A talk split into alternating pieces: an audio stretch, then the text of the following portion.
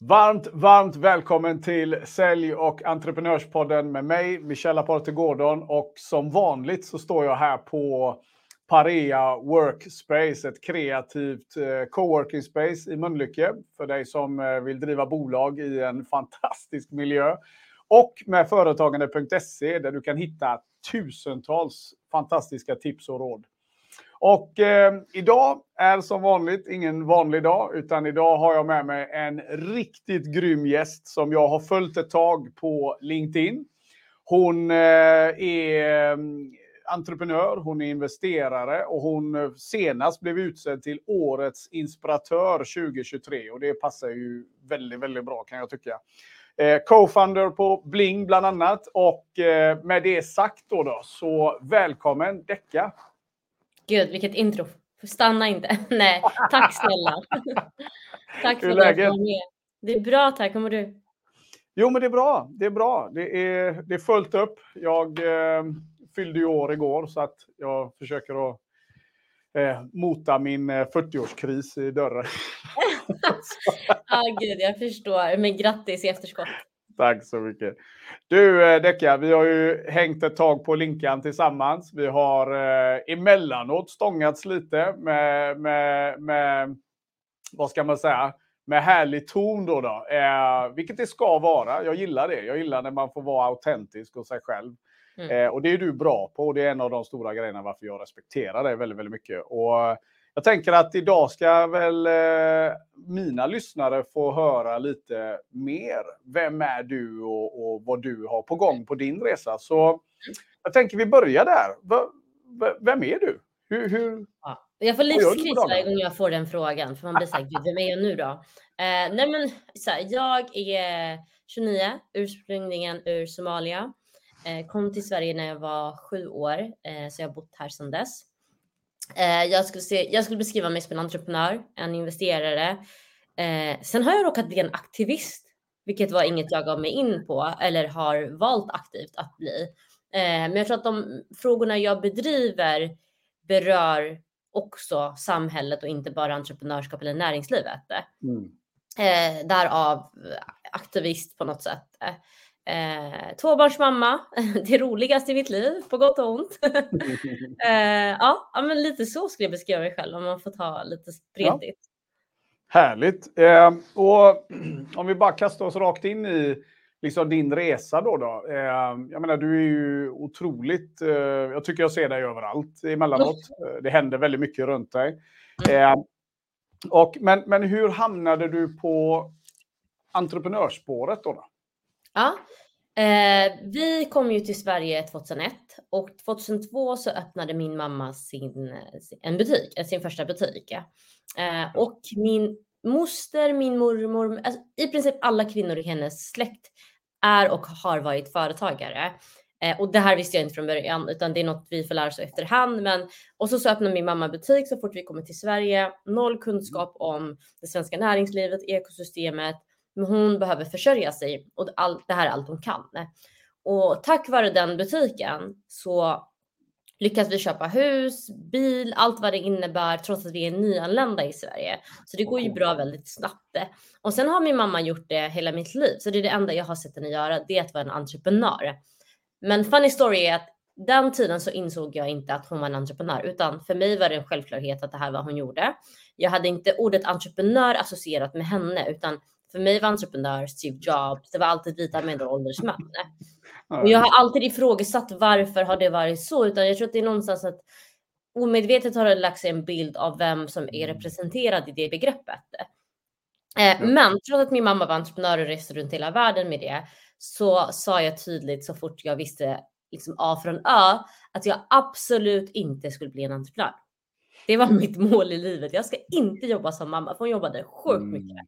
Mm. Mm. Eh, och sen så tar jag studenten. Min, jag har innan studenten varit superaktiv i olika föreningar, olika sammanhang som har med samhällsfrågor att göra. Mm. Så jag brann ju för det. Mitt mål var i princip att jobba på FN, mer eller mindre. Mm. Eh, så jag, började, jag flyttade upp från Malmö till Stockholm, började plugga ja. statsvetenskap. Och i samband med första månaden här så ska jag hitta ett jobb som student. Och då träffade jag på min medgrundare som har ett, ett säljbolag, tror jag det var. Mm. Eh, så jag sa upp mig från till tre dagar, men första dagen så började vi redan snacka om vad kan vi göra? Och han var en renodlad entreprenör. Det är flera bolag mm. inom olika sektorer och då började vi snacka om idén kring Bling där och då. Så sa jag upp mm. mig, men vi fortsätter hålla kontakten och utveckla den här idén genom åren. Eh, så det var ju så jag landade in på det här med entreprenörskap eh, mm. och driva eget. Det var omedvetet, omedvetet val om att det skulle bli det, utan för oss initialt så handlar det om att vi ville lösa de samhällsutmaningarna vi själva upplevde, men också de runt om oss. Framförallt nu när jag kom till Stockholm där för mig var det mer öppet segregerat än vad det var i Malmö. Eh, mm. Eh, och det kan ju mm. vara att jag hade en jättetrygg bubbla i Malmö där och sen tror jag att Malmö är en så liten stad att vi liksom hade gymnasium inne i stan. Jag var tvungen att in, mm. åka in till stan och träffa massa nya människor. Det var inte samma sak i Stockholm, eller nödvändigtvis. Det fanns saker som gjorde att folk hade olika klossar. Liksom, ja, men mm. de var utspridda rätt så segregerat. Just det. Där började frågan egentligen om så här, vad kan vi göra för att skapa ett jäm, jämlikt samhälle? Och sen så började vi fundera, marinera och någonstans omedvetet landa i entreprenörskap har alltid varit en lösning i våra liv. Mm. Eh, kan vi testa på det? Mm. Så, så började storyn med Bling. Ja, men riktigt, riktigt spännande där. Eh, och om vi tittar på den resan då. Eh, vad, mm. i, I ett tidigt skede då, då, så du upptäcker att det är liksom, ja, du, du ser dels eh, stora skillnader på, på staden som du eh, var inne på, men också det här att eh, var det någonting du, var det, var det någon sån här defining moment i det som gjorde att ja, men, det här är spåret vi ska gå in på? Liksom, var det någonting du såg som bara, nej, nu, nu räcker det, jag måste ta tag mm. i detta? Jo, men från 2000, jag flyttade upp 2013, då träffade jag mm. min grundare Adnan. Och 15 så var jag med om en olycka. Så mm. de två åren var det för oss mer en så on and off konversation. Det var aldrig att vi startade på riktigt, utan vi hade diskussioner kring hur man bygger det här, vad man kan göra. Sen hamnade jag i den här olyckan. Jag blir borta i cirka ett och ett halvår. Två år nästan skulle jag säga. Så runt 17 då kommer jag tillbaka och ska rehabilitera. Då återtar vi mm. kontakten. Och 18 och runt 17 18 så hade vi rätt så mycket våld i Järva, minns jag. Ja. Eh, det var då det här kriget utbröt. Eh, vi hade SD som var på väg till makten om inte jag kommer ihåg fel. Det var så mycket runt om oss som var bara kaos. Mm. Och jag kommer från att ha varit i princip inlåst i mitt hem och sjukhuset i två år och mm. tänker shit, vad är det för samhälle min dotter ska växa upp i? Mm. Och jag tror att det var där, efter att ha fått barn och kom, fått liksom en inblick i det som sker, mm. eh, när man klarnar till och tänker, och för mig, lite egoistiskt, men det handlade faktiskt om att här, min dotter ska inte växa upp i ett samhälle Nej. som ser ut på det här sättet. Och jag ska göra allt i min makt för att förändra det. Det var faktiskt det som var min drivkraft initialt. Mm. Eh, jo, men det är väl lite så också att när Alltså jag brukar ofta prata om det, eller hamna i de dialogerna, att man är, det, det är ju det här klassiska, du, hur du ser på världen innan barn och hur du ser på världen efter barn. Ehm, plötsligt så, först gör man ju allt för sin egna del, mm. mer eller mindre då, då, sin karriär. Men som du säger, när det, det blir ett annat varför helt plötsligt som blir utomkroppsligt, eller vad man nu ska säga. Liksom, du förflyttar ju det till, till barnen och som du är inne på, man vill göra allt man kan för att säkerställa att de ska få det så bra som möjligt. Eh, mm. Och det är ju som du, och det är oftast ur någon form av vad ska man säga, händelse, kaos höll jag på att säga, men det behöver inte alltid vara så dramatiskt. Men det är oftast ur en händelse de bästa, alltså bra idéer föds. Eh, mm. Så det var därför jag tänkte, ja men då, då fanns det en förklaring. jag kan känna igen det där lite. Ja, och ehm. det är liksom en drivkraft som, som du säger, det, det går inte hade jag haft en annan drivkraft i grunden, hade det varit materialistiskt eller annat så hade jag mm. faktiskt gett upp länge sedan. Men jag ska vara ärlig. För den resan vi gjorde var, det var, vi hade inget sexigt, vi hade inget techbolag, vi hade ingenting nej. som folk kunde köpa eller ta på här och nu. Det var mycket nej, det var, det, det inte alls, alltså det gick inte alls bra första nej. åren. Eh, Vad såg du där? Liksom... Jag tänkte jag skulle komma till det lite. Men ja. hur var det då när du liksom, ni, ni, bestämde er, vi ska fixa det här, vi ska, vi ska ta matchen helt enkelt som de flesta mm. brukar, för att tala klarspråk. Eh, och ni har valt att gå in i den då, då med hull och hår. Hur var den första perioden om du skulle bryta ner den lite? Ska jag vara ärlig så var den rätt så hemsk. Mm. Eh, I form av att vi ville skapa förändring genom näringslivet och entreprenörskap, vilket är oftast associerat med KPI i form av eh, att det ska leda till pengar. Att det är det som är resultatet i slutändan. Och det här var inte det, utan det, var, det, här var mjuka värden. Det var ett bättre samhälle. Det var ett mer konkurrenskraftigt näringsliv. Mm. Det var nya entreprenörer vi skulle satsa på och vi skulle förstå värdet av att satsa på nästa generation. Vet du, det var som att tala till döva öron. Jag måste ändå vara ärlig. Det var, vet, och vi har kontakt med många idag som sa nej då, vilket också är en klassisk entreprenörstory. Men det ja. var verkligen, vi fick nej. Alltså, första året direkt efter min rehabilitering så, levde, så minns jag att vi levde på våra sparpengar för vi fick inte in en enda krona på ett mm. år. Och november 2018 tror jag det var, då fick, då fick vi ett bidrag av Tillväxtverket. Okay. Och det räddade oss. Och det är också så här, vi jobbade fortfarande med det i flera år innan vi fick med näringslivet på det här. Och vad kände du var, alltså vad, vad, vad, var det som gjorde att de inte lyssnade då? Något du kan pinpointa som liksom, för det här, det här går ju att översätta. Jag tror att många startups överlag känner så och sen mm. handlar det ju om lite hitta det verkliga värdet då. då. Det pratar jag ofta om i, i, mm. i mina grejer. Um, men någonstans så gjorde ni ju någonting för att få dem att lyssna. Är det någonting du kan liksom komma tillbaka till och komma ihåg vad det kunde varit? Ja, det var att vi fortsatte tro på oss själva, eh, fortsatte mm. tro på det vi gjorde och så började det komma resultat i form av att alltså vår mål och liksom syfte med Bling är att skapa fler entreprenörer. Just det. Sen får dessa entreprenörer driva bolag eller vara entreprenörer eller liksom vara samhällsentreprenörer. Det spelar inte någon roll vad de gör, utan vi ska Nej. skapa fler entreprenörer för det är de som kommer förändra samhället. Så vi har typ jackat systemet på hur vi ska förändra samhället. Ja. Eh, och sen de, de börjar skapas, de börjar snacka om Blink, de börjar se att de har fått stöd från oss och det här gör vi helt kostnadsfritt ideellt i flera år. Mm. Eh, så det blev ju en sån effekt av att det blev word of mouth, att det, det, det var svårt att börja undvika oss, för det var så ja. många som du träffade runt om dig som sa, men jag var i kontakt med Blink på något sätt.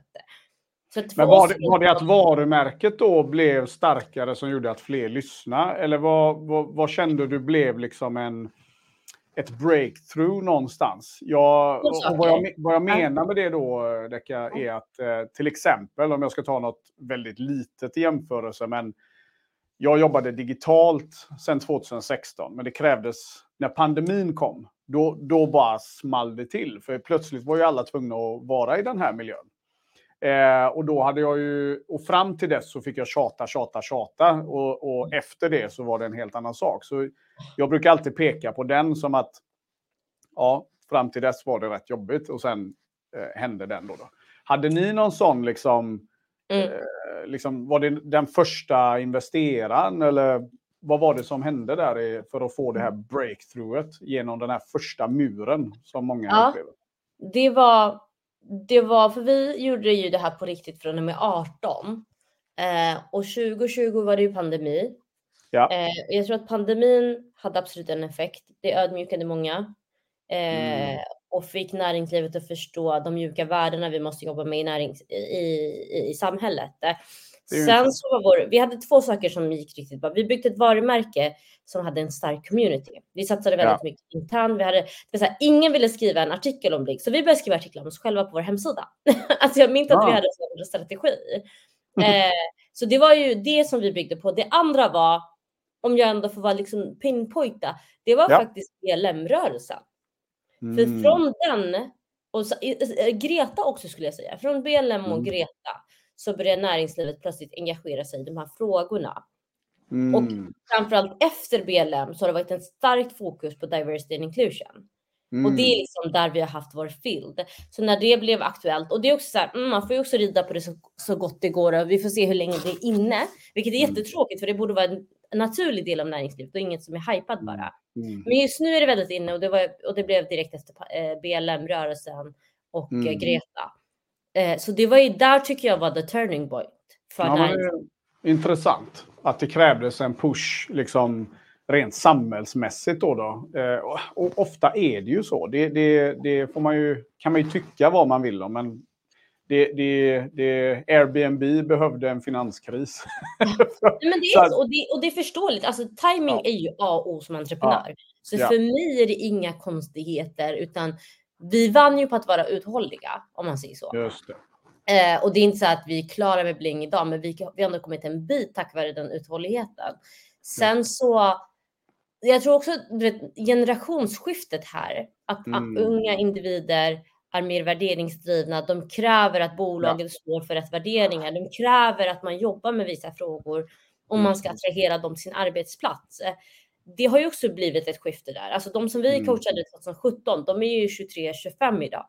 De ska ju in i näringslivet. De kräver ju det här. Mm. Så det blir, det, så här, det blir oundvikligt idag. Kan du se att den trenden, eh, jag har hamnat i den dialogen också en del, just det här att entreprenörskap som eh, kanske för 30-40 år sedan kunde vara ganska liksom, i lika med att du var tvungen att vara lite hänsynslös nästan, lite ruthless och lite så här whatever it takes till att idag är det mer ett ekologiskt entreprenörskap då, då där, där liksom hela cirkeln behöver vinna. Kan, kan du se trenden i det eh, även från ditt håll? Ja, alltså vi träffar ju framförallt unga, unga vuxna. Mm. Eh, och där är det nästan en självklarhet att det ska mm. finnas. Alltså antingen gör din idé världen bättre, men den ska absolut inte göra världen sämre. Det är liksom det som är måttstocket. Och det tycker jag är superhälsosamt. Det, ja. Vi har gamla industrin och gänget innan oss som liksom fokuserade mm. mycket mer på att bygga upp landet och det var ekonomiskt mm. drivet. Det är fortfarande en ekonomiskt driven liksom, sektor, entreprenörskap och näringslivet. Men idag vill fler få in eh, mjuka värden. De vill ha andra kopior att mäta på än bara kapital. Just det. Men tror du att det också går lite hand i hand med teknologin och, och liksom allt som är tillgängligt? Jag, jag kan ju många gånger när man hamnar i den här dialogen tänka lite tillbaka på, eh, ja men jag har också föräldrar, jobbat hårt, mm. Eh, pappa entreprenör och allt det här och eh, växte ju upp med det här att ja men, man såg dem inte kanske lika mycket och, mm. och liksom allt det där då. Va? Och en sida av en kan ju tänka då, ah, varför var du inte hemma mer och varför, alltså de bitarna. Samtidigt, jag kan vara hemma mycket mer på grund av verktygen som finns tillgängliga att jobba med idag. Den mm. typen av bolag du kan bygga idag. Mm. Bara titta vad du och jag, alltså du och jag gör ju detta nu. Du sitter i Stockholm, jag sitter i Göteborg. För 20 år sedan hade vi inte gjort det. Ah, förlåt. och, men för 20 år sedan hade det inte varit möjligt. Nej. Nej. Så att det känns, eh, tror du att det kan också vara en del, konsekvens menar jag, av att vi ser intåget av med det här ekologiska entreprenörskapet? Mm. Eller är det Ja, men jag tror det också. Jag tror pandemin pushade det åt rätt håll tio gånger mm. fram. Med mm. att bara så här, verkliggöra för oss. Vi, vi, kan sitta digitalt och ha medgrundare i Indonesien och så. Och du sitter i Stockholm. Och Just ni fixar det här tillsammans. Just det. Tror pandemin fick också, också värdera livet på ett annat sätt. Men jag ska vara ärlig, jag känner fler har förstått att jag vill faktiskt göra någonting som jag brinner för. Jag vill bidra till samhället och inte Just bara ta. Eh, och det här är allt från unga till äldre. Sen digitalisering och det informationsflödet som vi har via sociala medier idag. Det mm. har ju påverkat, det har skapat nya plattformar, det har skapat nya individer, nya frågor som man brinner för. Och man har mm. hittat ett community som, för, som brinner för samma sak på ett helt annat sätt än vad man gjorde 20 år sedan. Så att idag finns det fler incitament för att driva en fråga skulle jag säga snarare än driva det vi, alltså om du driver det via ett bolag eller att du grundar mm. någonting, fine, men du kan få driva någonting som du brinner för på ett eller annat sätt. Och för mig är det det som är det vi jobbar med. Vi jobbar med de här individerna då. Ja. Snarare än vad de väljer att bedriva. Just det. Ja, men vi, det, och, och just det här då, om man nu tar det här med utanförskap och hur vi ska liksom skapa mer ja, men, inkludering och, och, interaktion och alla de här sakerna. Eh, jag tror ju också stenhårt på att entreprenörskap är definitivt en av de stora tårtbitarna för att göra det. Eh, mm. Det finns en enorm kraft hos, eh, jag gillar ju det här uttrycket immigrant mentality, som är liksom mm. det här att ja, men vi kanske har fått kämpa lite hårdare då. Fått, fått ja. utveckla lite mer grit, lite mer pannben, lite mer, ja, ja, it's what it is liksom. alltså Men så. också så här, en viktig faktor i entreprenörskap är ju mm om inte liksom det mest demokratiserande, bland de, de mest demokratiska verktygen vi har, där du inte ja. behöver gå till en skola, där du inte behöver ha erfarenhet Nej. i form av att du liksom ska vara på det. Och sen, det ska egentligen inte vara så att du måste känna någon, men det gynnar ju dig om du har ett bra nätverk. Men i slutändan så kan du vara otroligt duktig på någonting, dra igång ett bolag och sen lyckas med det utan mm. alla saker som kanske krävs på en arbetsplats eller på en utbildning. Så är det ju. Och det är ju någonting. Hur, hur upplever du att den, eh, vad ska man säga, eh, det är ju flera delar i det då, men i grund och botten så är ju en sak att komma till den insikten att men här, jag behöver inte ha eh, akademisk bakgrund för att lyckas i min karriär. Hur, hur, hur ser man på, hur, hur är din, vad, vad hör du kring det eh, i din vardag? Eh, med alla de du har dialog med. Är det någonting som eh, har spritt sig menar jag? Eller är det fortfarande så att vi har mycket kvar att göra i det spåret för att fler ska inse det? Menar jag? Jag tror att många inser det för att om man tittar bara, eller om man tittar på de framgångsrika bolagen och entreprenörer, vilket man oftast gör, man tittar ju uppåt. Det. det. De har ju många gånger inte gått klart eh, universitet eller till och med ibland gymnasiet. Eh, så det finns ju en, någonting som bekräftar att du måste inte ha nödvändigtvis gå, eller du behöver inte, du behöver inte nödvändigtvis gå den traditionella vägen Nej. för att lyckas med ditt bolag. Dock tror jag att det finns en fördel som också unga upptäcker idag med att Går du på, eh, programmerar du i skolan så kan du absolut göra det i ditt bolag. Det blir enklare mm. att köpa in den kompetensen eh, som är väldigt dyr. Mm. Eh, jag kan tycka, jag gick i statsvetenskap det har absolut gynnat mig i mitt arbete. Alltså mm. jag har så många paralleller som jag kan dra mellan utbildningen och det jag gör idag. Fast det är en helt annan sektor egentligen. Så jag brukar alltid utmana att så här, vill man plugga, gör det för du tycker faktiskt om det du vill plugga mm. och du känner att det finns någon nytta i det. Inte det här traditionella, om jag ska jobba eh, eller jag måste plugga för att kunna jobba inom X, Y Z. Idag finns det andra vägar och andra sätt att komma in i olika marknader. Många pluggar ju också lite för att mamma och pappa tycker jag ska plugga. Det eh, finns fortfarande ganska starkt. Det är väldigt, väldigt många så. Ja, men jag tänker framförallt eh, minoriteter, alltså i min kultur. Mm. Det är, mm. alltså jag, första åren var ju mina föräldrar super tveksamma. Jag tog ju inte examen, jag hoppade av. Eh, och de var ju skeptiska ett bra tag tills det började gå riktigt bra. Och då var de så här, men, men då så. säga så här, plugga klart så fort du får tid. Jag bara, mm. Jag, jag garvar nu för att herregud, jag är, jag är också en av dem i min familj som inte har... Eh, nej men jag var klar med skolan efter gymnasiet och jag var nog ja. klar i skolan efter femman också. nej, men du vet, jag var ju hopplös.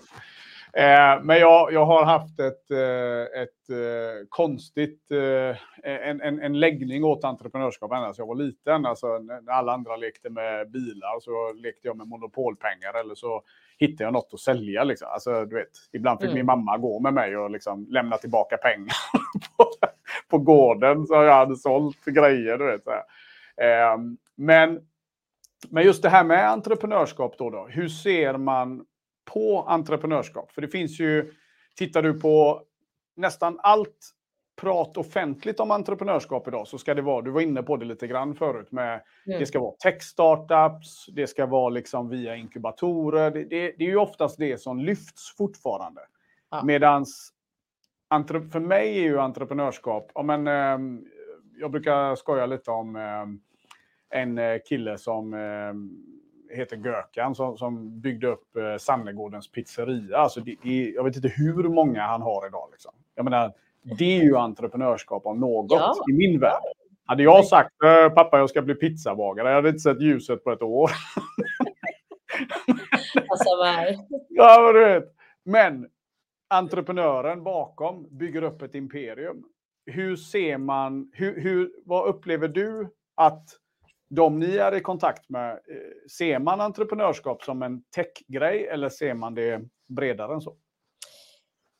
Alltså det beror på åldern där igen. De yngre mm. ser entreprenörskap som en techgrej skulle jag säga snarare. Mm. Samtidigt så tror jag att de, de är väldigt igen värderingsdrivna och tittar mycket mer på så produkt på ett helt annat sätt snarare än att säga vi måste vara inom tech utan men vi kan träffa exempelvis någon som har sexturerat hår, som har afrohår och mm. känner att de saknar hårprodukter i marknaden som faktiskt möter deras hårtyp, då kan de starta ett bolag kring det. Så det behöver inte Mm. alltid vara liksom supertech och deep tech och allt vad det innebär, utan det är behovsdrivet många gånger. Ja. Eh, och det är intressant, det är som foodtech, där är det också väldigt behovsdrivet från vår målgrupp till skillnad från kanske resten av ekosystemet där man ser att man försöker göra saker eh, ja, men det ska vara hälsosammare eller man ska byta ut Mm. kött mot annat. Medan vår målgrupp handlar om att men vi har inte ens den här kryddan här. Alltså, Mm. Vi behöver, det är en hel målgrupp här som behöver en krydda. Eh, så hittar man ett hål i marknaden för det. Ja. Men hur kommer det sig? Jag menar, du, du är ju ändå. Du, du har ju fått väldigt mycket uppmärksamhet sista åren på eh, ja, men, alla möjliga. Breakit har skrivit om dig massa gånger. eh, Ja, jag kan hålla på en stund. Eh, men för många som inte då eh, bygger ett techbolag eller någonting sånt där. Då, det, det, jag, jag tänker ju ofta när man pratar om just entreprenörskap att det är upp, alltså vi, vi, du sa förut om en bilden man, man har av en entreprenör, om vi backar hela vägen till vad du hade för bild av en entreprenör. Jag, tyck, jag kan ju tycka någonstans att eh, ja, men är vi fort, har vi blivit bättre på att lyfta upp entreprenörskap, kärnan av entreprenörskap? Eller är det inte fortfarande väldigt mycket kring en viss nisch som är de som får the attention då? då? Jo, vad tänker tyvärr. du kring det? Jo, jag håller med dig totalt. Vi har fortfarande en unicorn-hets. Vi Ja. uppmärksammar i princip samma personer överallt. Eh, det är det som händer majoriteten av tiden. Sen ser jag ändå, och det är kanske också vad jag väljer att titta på, att Så. det kommer nya typer av entreprenörer, ny typ av entreprenörskap Mm. här och där. Det finns ju glimtar av Mm. det. Och vi har, vi, så här, vi gjorde det här ett bra tag sedan. Alltså vi startade det här på riktigt sju, vad blir det, sex, sju år sedan. Mm. Jämfört med idag så är Ja. det mycket bättre idag. Så att jag kan ju jämföra så. Det går åt rätt Sen håll i alla fall. Ja, det går åt rätt håll, men vi ska inte heller klappa oss i axeln och tycka att det här är någonting bra. Det är som att jag Mm. brukar säga diversity and inclusion-frågan. Mm. Ja, inget jävla bolag borde få ett pris för det. Nej. Alltså förstår det, det är ingenting vi ska prisa i form av att Nej. Eh, ja men bra, du, ni gjorde någonting extra i bolaget. Det här Ja. borde vara en del av bolags DNA om de vill överleva om tio år. Ja, nej, men det, och det är väl, eh, ja herre, det, jag håller med dig. Jag, jag är ju väldigt sådär att, nej, men jag vill inte, jag har ju den bilden av att, och det är väl här du och jag har haft några diskussioner då, men jag, jag är ju av den bilden, jag vill aldrig liksom ge den andras, ja, jag ska inte säga andra sidan, men, Mm. men eh, jag vill aldrig erkänna mig sämre. Alltså jag skulle Mm. aldrig göra det. Och, och för mig är, Eh, om jag får ett uppdrag till exempel för att eh, någon behövde någon som inte hette Svensson i efternamn. Mm. Om jag får det bara för att jag heter Laporte, då, då blir jag irriterad. Då vill jag inte ens ha det. Det spelar ingen roll hur mycket pengar ni ger mig. Ehm, om jag inte får det på meriter och på min, min expertis menar jag, då, då, då är det fel. Ehm, för då är det en allmosa. Det är, det är en liksom välgörenhet. Jag är Mm. inte i behov av välgörenhet. Mm. Ehm, men, och lite så är det ju kanske med, när det gäller eh, vad, som, vad som lyfts upp i, i ehm, när det gäller just entreprenörskap överlag. Då, då. Men du som är mycket i de här svängarna, Deka, ehm, hur, hur, hur får vi ut på bredden ännu mer? Vad är entreprenörskap då? För jag menar, din mamma som verkar vara en fantastisk person ehm, var ju tydligen en entreprenör eh, i sin nisch. Ja. Eh, hur får vi fler att se på människor som din mamma istället för bara de som lyfts upp av diverse medier då, då som är unicorn-hetsen då, som du sa. Så. Nej, men jag, jag tycker att det är förebilder, förebilder, förebilder. Alltså, jag, Man kan ju Mm. inte säga tillräckligt mycket om det, utan vi måste ha fler. Vi måste framhäva fler förebilder. Vi måste framhäva olika typer av entreprenörskap och det är lite Ja. det vi gör på Bling i slutändan för oss. Ja, Det här med att vi börjar skriva egna artiklar, det, blir, det utvecklades till att vi i princip skapar en mediekanal själva. Så vi har Mm. Youtube, vi har fysiska föreläsningar, vi skriver egna artiklar för att göra plats för fler än de som finns på Breakit om man säger så. ja. Och det som har blivit det som har hänt nu som jag tycker är jätteintressant är att jag har sett flera organisationer och andra eh, mediekanaler börja Mm. plocka ur den här listan. Så Mm. det gäller bara att amplifiera och du vet, så att tänka Ja. två gånger nästa gång vi vill tipsa om någon och bara men Titta på den här individen. Mm. Sen tror jag så här, Sverige måste göra det skiftet om vi ska ja. hålla oss i den globala marknaden förr eller senare. Ja. Vi måste göra det inom tio år. Vi kan inte fortfarande vara ett litet land som domineras på det här sättet av en typ av liksom, människor mm. eh, länge till. Det tror jag mm. inte. Jag, jag, tror att så här, tidigare var det liksom en goodwill och att det här var någonting mm. positivt och några skulle hålla på med det. Idag ser jag mm. faktiskt allvarligt att gör vi inte det här skiftet så kommer Sverige ta stryk på ett helt annat mm. sätt än att bara eh, Bling missar ut på något eller någon annan mm. som gör samma mm. sak eh, förlorar en affär, utan det mm. kommer kosta eh, hela landet. Ja, men det tror jag också. Jag tror att eh, alltså, den eh, kraften som återigen ligger i, i, ett in, alltså, i mångfalden då, då eh, mm. och, och, och, entreprenörskapet som kommer därigenom. Eh, det, kommer, det kommer definitivt bidra till den svenska exportens konkurrenskraft, eh, bland annat också. Då, då. Så att Eh, definitivt är det ju så. Och det är ju på grund av att vi blir bara mer och mer connectade. Vi blir bara mer och mer liksom, globala i vårt agerande. Eh, eftersom handeln suddar ut gränser bara mer och mer. Här, jag kan, med min mobil idag så kan jag titta på något som ligger i Kina eh, ja. idag och på måndag så får jag hem det. Liksom. Alltså det är ju helt galet egentligen. Eh, ja, ehm, exakt så. Och och det är klart, då, då, går det ju inte att leva i en liten box eh, som, som många gånger kan vara här då. Men, eh, men jag, och jag ser ju definitivt att det fortfarande finns mycket att göra.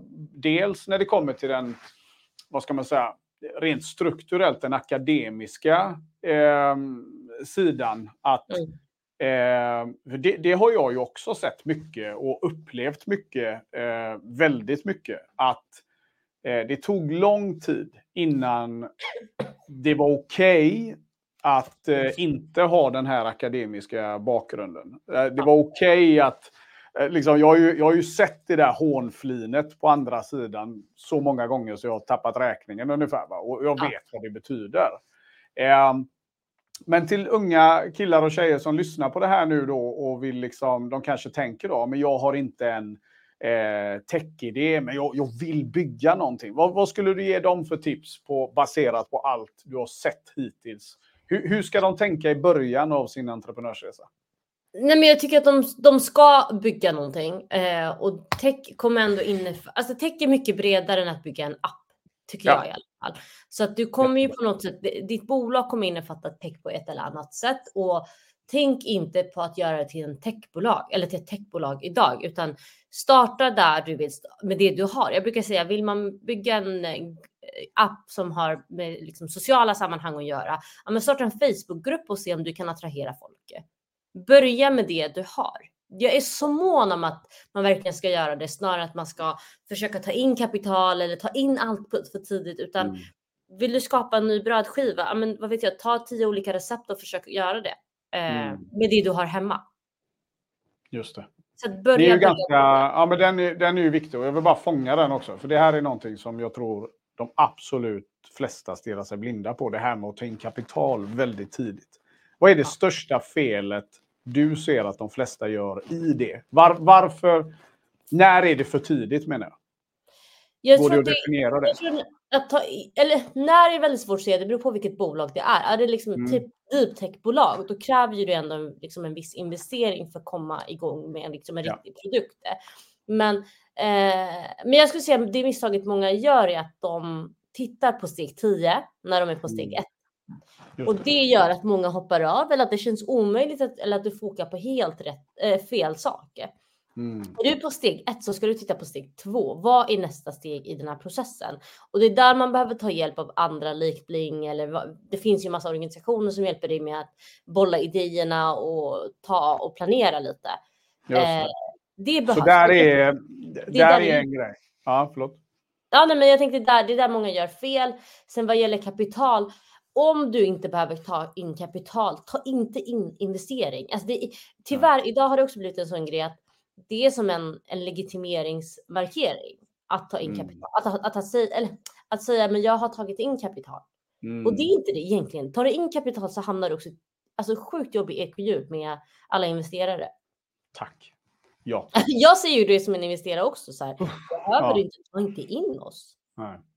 Eller ta in Ja, men ni har ju ändå, ni har ju ändå jag läste på, på, det står väl där, eh, runt 40 miljoner har ni hjälpt till att ta in. Det är ju en ganska häftig summa. Ehm, och vad, vad är liksom, finns det någon röd tråd på de bolagen som ni har hjälpt hittills? Alltså det är, det är vår målgrupp, underrepresenterade, nio av tio gånger. Eh, personer Mm. som kanske inte har haft möjlighet att ringa varma samtal snarare än cold, Mm. cold calls. Så det är väl Mm. det vi har förmedlat. Vi har snarare förmedlat infrastrukturen och nätverket för dem att kunna Mm. ska, skaffa sig kapitalet. Eh, och tyvärr, nio av tio gånger de som är utanför eh, grupperna eller nätverk eller vad man ska kalla det. Just det. Ja, ja men eh, riktigt, riktigt grymt. Ehm, ja, gud, det finns så mycket mer att prata om. Men om, vi, om vi har då, vi har en, eh, en eh, entreprenör, vi har eh, unga som lyssnar på det här, eller unga, det kan ju vara vem som helst egentligen. Men, och jag har kommit en bit. Jag Mm. upplever att jag har fastnat den kategorin också. Vad, vad skulle du ge dem för råd för att liksom få lite fart eh, förbi den där eh, muren som kommer förr eller senare. Man kommer till det här liksom, om det händer inget. eh, Mm. Så. Jag, jag vill ändå flika in en grej som jag fick lära Mm. mig hårda vägen. Jag är också sån som tycker att det ska hända saker hela tiden. Eller Mm. det, att, så här, beviset på progress är att det händer saker. Och det är inte alltid det, utan går det ibland och det händer samma sak varje dag, då har du kanske skapat någonting riktigt bra, för det ska vara så. Eh, så det är också en grej att skicka med bara som en tanke. Eh, men sen om man har fastnat helt och hållet och vet inte vad nästa steg är eller hur man ska ta sig vidare. Eh, mentorer, det är så viktigt. Jag har haft så många i min karriär som har hjälpt mig lösa massa knutar. Eh, ta hjälp, våga fråga folk. Vad, vad ska jag göra? Hur går jag vidare? Och nio av tio gånger så vill faktiskt de flesta vara med och stötta och hjälpa till. Eh, och glöm inte att man hela tiden behöver inspireras också. Även om man har startat någonting så behöver det. Jag kan gå in på ibland, men nu låter det lite så här krasst, men jag kan gå in på TikTok och inspireras hela tiden om hur vi kan göra saker på nytt. Mm. För att man ser hur andra gör det. Så att inspiration och mentorer skulle jag säga är nog det som kan lösa den knuten där. Just det.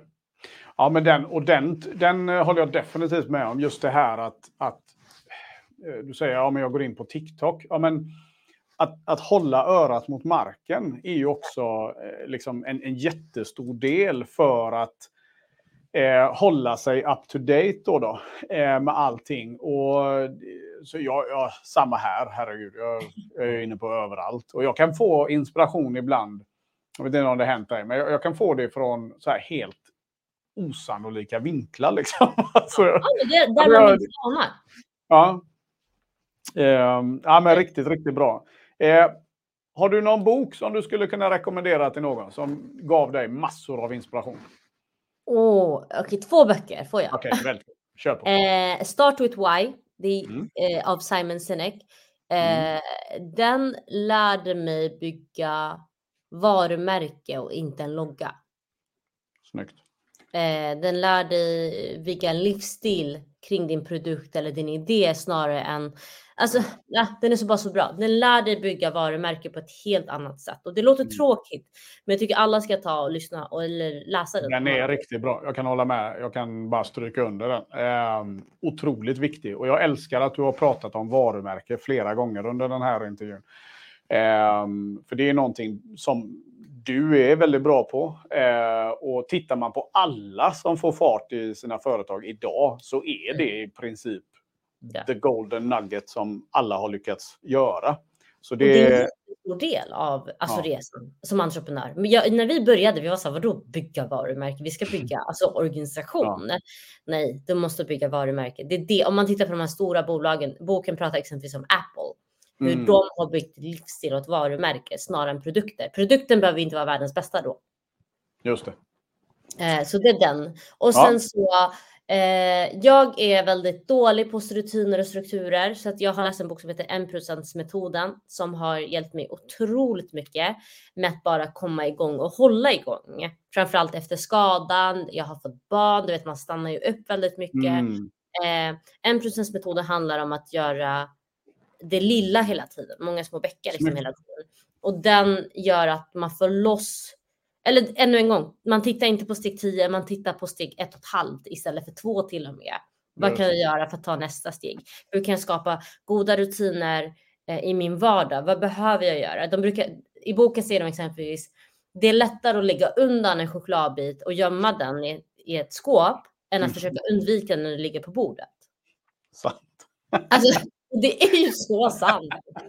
Att det är så jag med hela mitt skafferi då. Ja, men exakt. Eller vet lägga det i källaren eller? Läs två meningar på en bok om du vill bara mm. komma igång. Du behöver inte läsa en hel bok. Du behöver inte läsa en hel sida utan kom i, det, mer eller mindre vikten av att komma igång. De mm. två böckerna. Ja, jag älskar den.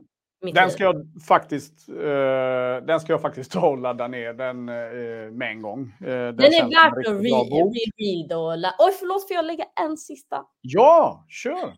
En som jag läste nyligen, eh, som jag är kanske sen med, men den var så... Alltså, om du är en entreprenör, om du är en person ja. överhuvudtaget i näringslivet, läs den här How to influence, how to make friends and influence ah, people. Klassiker. Men jag tycker den borde vara en skolbok, helt ärligt. Ja. Eh, ja, men den, den, är, den är bara ja. värt det. Värt varenda minut du lägger på det, för det är faktiskt en investering i din karriär, ditt liv, din framtid. Just det. Ja, men den, är, den är riktigt, riktigt bra. Eh, du ska få två topp av mig tillbaka mm. som tack. Eh, och, eh, den ena är, den kanske du har läst, men den heter Blue Ocean Strategy. jag har faktiskt inte läst jag har hört så mycket om den dock. Ja. Det, det, borde vara en entreprenörs eh, liksom, bibel, höll jag på att säga. Men, eh, otroligt bra. Eh, två professorer från Harvard University som har studerat marknaden i över 30 år. Eh, mm. Och eh, det gör att du... Den kommer hjälpa dig att, eller alla som läser den, eh, den kommer hjälpa till att tänka väldigt mycket utanför boxen. Då, då. Mm. Att, in, att liksom våga lyfta blicken och, och, och ja, det, det, den är det är en sån där bok du kan läsa precis hur många gånger som helst. Du kommer få ja. ut något nytt varenda gång. Eh, det är faktiskt en av de böckerna jag läser varje år. Försöker Shit. jag lyssna igenom den bara för att liksom... Och jag får så mycket idéer. Det var bland annat den som gjorde att jag fyllde upp Stora Teatern med liksom 500 plus entreprenörer här i Göteborg med Stories of Gothenburg. Ja. Eh, och det ska vi prata mer om, du och jag, by the way. För det, om det är någonting som det eventet gör, är till för så är det att visa just bredden på entreprenörskap och inte mm. bara det som alla andra visar upp. Då. Mm. Eh, så det är den. Och eh, den andra är faktiskt en bok som eh, skapar otroligt mycket reflektion på eh, min prestation, mitt självförtroende, min självkänsla. Eh, massa saker och den är riktigt tung i den. Mm. Eh, den heter Outwitting the Devil med Napoleon mm. Hill. Och det var han som skrev Think and Grow Rich. När han hade skrivit den så hamnade han i en depression. Paradoxalt nog, eh, med mm. tanke på vad den handlar om. Men, och hur han tar sig ur den är... Det, det, det är boken helt... basically, hur han tar sig ur den. Okay. Ja, alltså, och det, och det här är ju en eh, konversation med sig själv lika väl. Alltså, titeln gjorde ju att det är faktiskt en true story. Titeln gjorde att den kom ut 88 år senare än den skrevs. På grund av att eh, det var så kontroversiell titel på den tiden. Så att eh, han, eh, de, de vågade inte släppa den. Men när du läser den så kommer du tro att han pratar om samhället idag. Det är, det är helt sin, man blir helt blown away alltså. Jag älskar sådana böcker. Alltså klassiker som ändå ja. är så bra. att Det är som den här Carnegie-boken. Den är hur gammal som helst. Ja. Men du kan implementera den i livet även om du skulle vara 15 år idag. Han intervjuar ju bland annat eh, Dale Carnegie. Så att, eh, eh, ja, Napoleon Hill, kolla upp honom. Eh, det var en av de där. Men den, jag, ska, jag ska försöka den få in... Kommer du att gilla. Jag, jag, jag, känner på mig att du kommer gilla den väldigt mycket. Um, den är tung, den är djup. Den är otroligt, eh, ja men den är ju bara för en själv liksom. Och jag tror alla som läser den får en egen sån. Så ja, det ska bli kul att höra om du läser den. Vad du ja, får, jag ska återkoppla till dig. Men jag älskar sånt, för jag tror att så här, ja. som entreprenör, det är ännu ett sätt att hitta den här inspirationen vi pratar om. Så här, att ja. konstant vara öppen för formas och inspireras. Är du en person som är väldigt fast och inte vill utveckla dig själv, det är otroligt svårt att vara en entreprenör. För du måste hela tiden vara formbar och anpassningsbar. Mycket. Och böcker är ju en sån källa verkligen. 100 procent. Eh, nej men jättebra och jag tycker det blir en bra avrundning. Deka, du är en fantastisk människa och du har ett bra eh, varför där ute. Och jag kommer lägga dina länkar i mm. avsnittsbeskrivningen. Så till alla som lyssnar på det här, kika på de länkarna. Gå in och följ Deka, se vilket arbete de gör. Och är du en entreprenör som vill ta fart där ute. Du har en idé, du har en dröm, du har en fundering. Hör av dig till Bling. Det är ett grymt gäng och ni som har följt mig ett tag, ni vet att jag säger vad jag tycker och that's it. Och det här är ett bra gäng, punkt slut. Så att eh, med det sagt Eka, stort, stort tack för att du kunde vara med här idag. och att, eh, att du tog dig tid här. Och till dig som lyssnar, glöm inte, vill du ha ett webbinar där jag pratar om hur du blir av med dina mentala säljspärrar för att komma igång med det arbetet. Då hör du av dig till mig så ska du få den eh, skickad till dig med en gång. Nu avrundar vi. Ser vi till att ha en riktigt, riktigt fin vecka. Så eh, ha det bäst nu Champions. Ciao, ciao! Så. Kul, bra! Gud, vi gick över tiden som bara den. Ja, det gör